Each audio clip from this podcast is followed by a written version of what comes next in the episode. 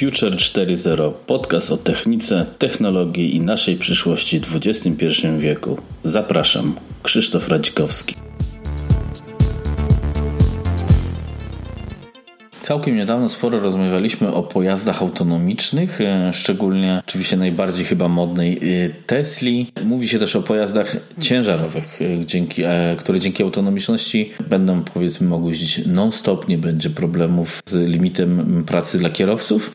Mało się natomiast mówi o autonomicznym transporcie publicznym, który może być naszą przyszłością. Zwiększy częstotliwość kursowania powiedzmy takich pojazdów, kapsuł czy czy tramwajów, czy metra. Wyeliminuje też błędy oraz zapewni nam większy komfort podróży, a przewoźnikowi zapewni tańsze koszty obsługi. Warto się zastanowić, czy w przyszłości będziemy zmuszeni wsiadać do pojazdów bez operatora. W dzisiejszych czasach mm, sporo się rozmawia o pojazdach autonomicznych, lecz nie do końca porusza się temat autonomii transportu publicznego. Otwiera to nowe możliwości w transporcie publicznym, a nie tylko drogowym, gdzie transport drogowy mówi się o samochodach ciężarowych, autonomicznych, osobowych dla prywatnego użytku, ale transport publiczny jest to cały czas spora część naszego życia. Dzięki zastosowaniu autonomii w transporcie publicznym można by obniżyć koszty nawet do 70%, gdyż eliminujemy po prostu czynnik ludzki. Co więcej, brak czynnika ludzkiego, czyli w sumie operatora motorniczego, kierowcy, e, maszynisty, otwiera nam większą możliwość wykorzystania powierzchni danego mm, środka lokomocji, gdyż nie musimy zagospodarować kabiny mm, dla, dla, dla pracy operatora danego pojazdu. Oczywiście pozostaje kwestia, czy my jako ludzie jesteśmy w stanie na tyle zaufać autonomicznym pojazdom, aby oddać powiedzmy nasze życie w ich ręce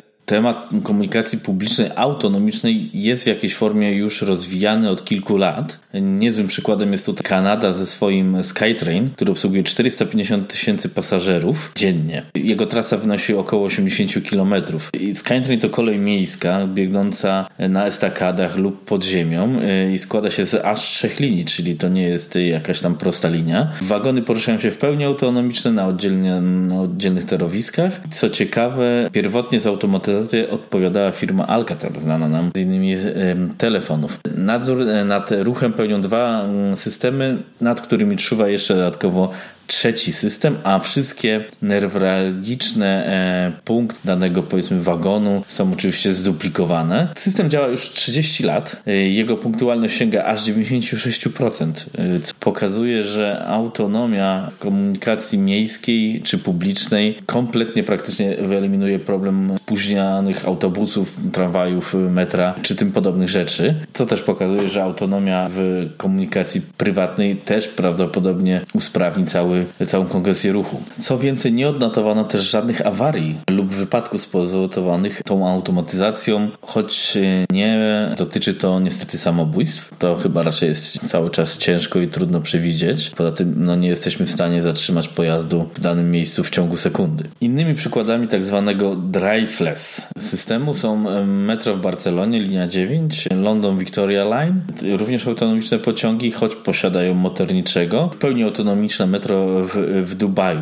Można wyróżnić trzy tryby autonomiczności metra lub powiedzmy komunikacji miejskiej. W skrócie nazywa się to GOA, Great of Automation. I mamy GOE 4, czyli w pełni autonomiczne pociągi bez operatora, GOE 3, czyli autonomiczne, lecz z operatorem, który odpowiada za otwieranie drzwi i ewentualne sytuacje awaryjne oraz GOA 2, czyli autonomiczne, lecz z operatorem, który odpowiada za powyższe, odpowiada to za wykrywanie przeszkód na trasie, więc tutaj no, można powiedzieć, że to jest jakaś tam częściowa automatyzacja. Niedawno Chińczycy zaproponowali tramwaj bez szyn. Porusza się po wymalowanych pasach na jezdnim. Jest to to zaleta, że jest to tańsze rozwiązanie niż kładzenie specjalnej trakcji dla, dla takiego powiedzmy członu pojazdów. Posiada on operatora, ale jednak e, umożliwia on jazdę autonomiczną stąd też jego pochodzi nazwa ART Autonomous Rapid Rail Transit. Ma on się sprawdzić w mniejszych miastach według twórców. Co ciekawe, te mniejsze miasta według nich ludność około 4 milionów osób. Tego typu środek lokomocji ma własne baterie, więc potrafi przejechać około 40 km na jednym ładowaniu. Osiąga prędkość 70 km na godzinę, czyli w sumie podobnie jak tramwaj. I posiada, jest, jest to powiedzmy modułowa konstrukcja, więc posiada, ma możliwość obsługi od 300 do 500 pasażerów. Podobne, a inne rozwiązanie jest testowane w estońskim Tallinie przez francuską firmę EasyMile. Pojazd EZ10, który zabiera do 10 pasażerów na pokład. Zastępuje tam jedną linię tramwajową. Niestety z powodów prawnych w pojeździe cały czas obecny jest operator, więc podejrzewam, że tu jeszcze w tej autonomii pojazdów na świecie jest też kwestia prawna do rozwiązania. Pojazd też również nie korzysta powiedzmy z torowisk, czyli nie, znowu nie trzeba stawiać e, specjalnie szyn, a więc potrafi być to tańsze rozwiązanie i być może sprawniejsze niż tramwaj, jeśli jego częstotliwość kursowania byłaby e, dość wysoka. Polska firma Solaris rozwijała projekt BHNS e, dla Paryża, który łączył w jakiejś formie autobus Urbino z ideą tramwaju Tramino i to był też pojazd z kamerami i tak dalej, który potrafił się mm, poruszać niezależnie lub jakoś quasi autonomicznie. Alstrom natomiast, który jest firmą specjalizującą się w pojazdach szynowych, zaproponował elektrobusa, który łączy też tramwaj i autobus, więc tendencja jest ciekawa. Wiąże się to prawdopodobnie z tym, że w niektórych krajach jest popularna idea Bus Rapid Transit, czyli BRT. Polega to na tym, że to jest szybki tramwaj autobusowy, czyli znowu eliminujemy szyny, porusza się oddzielnym, oddzielnymi pasami, oddzielną infrastrukturą, na przykład można go umieścić pomiędzy e, dwoma pasami jezdni, ale nie trzeba stawiać szyn, więc jest jednak taniej. Do tego są wydzielone odpowiednie przystanki i działa bardziej sprawnie niż tradycyjny autobus, a jest tańsze niż tramwaj. Na Politechnice Warszawskiej e, owego czasu trwały prace nad rozwiązaniem Personal Rapid Transit, czyli takiej małej mm, kapsuły cztero, bodajże czteroosobowej e, w ramach zakresu projektu Ekomobilność, którego, w którym owym czasie brałem udział, ale akurat nie przy temacie PRT. Warto wymienić zalety autonomicznego transportu publicznego.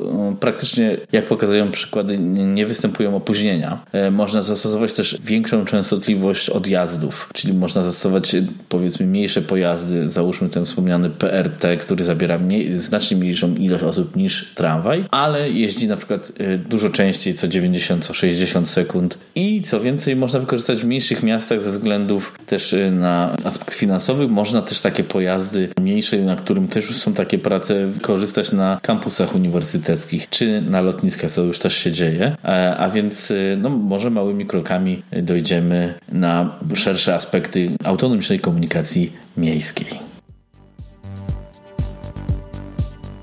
Dziękuję za wspólnie spędzony czas. Zachęcam do subskrypcji oraz oceny podcastu na platformie iTunes. Notatki do odcinka znajdziecie na stronie krzysztofradzikrowski.com.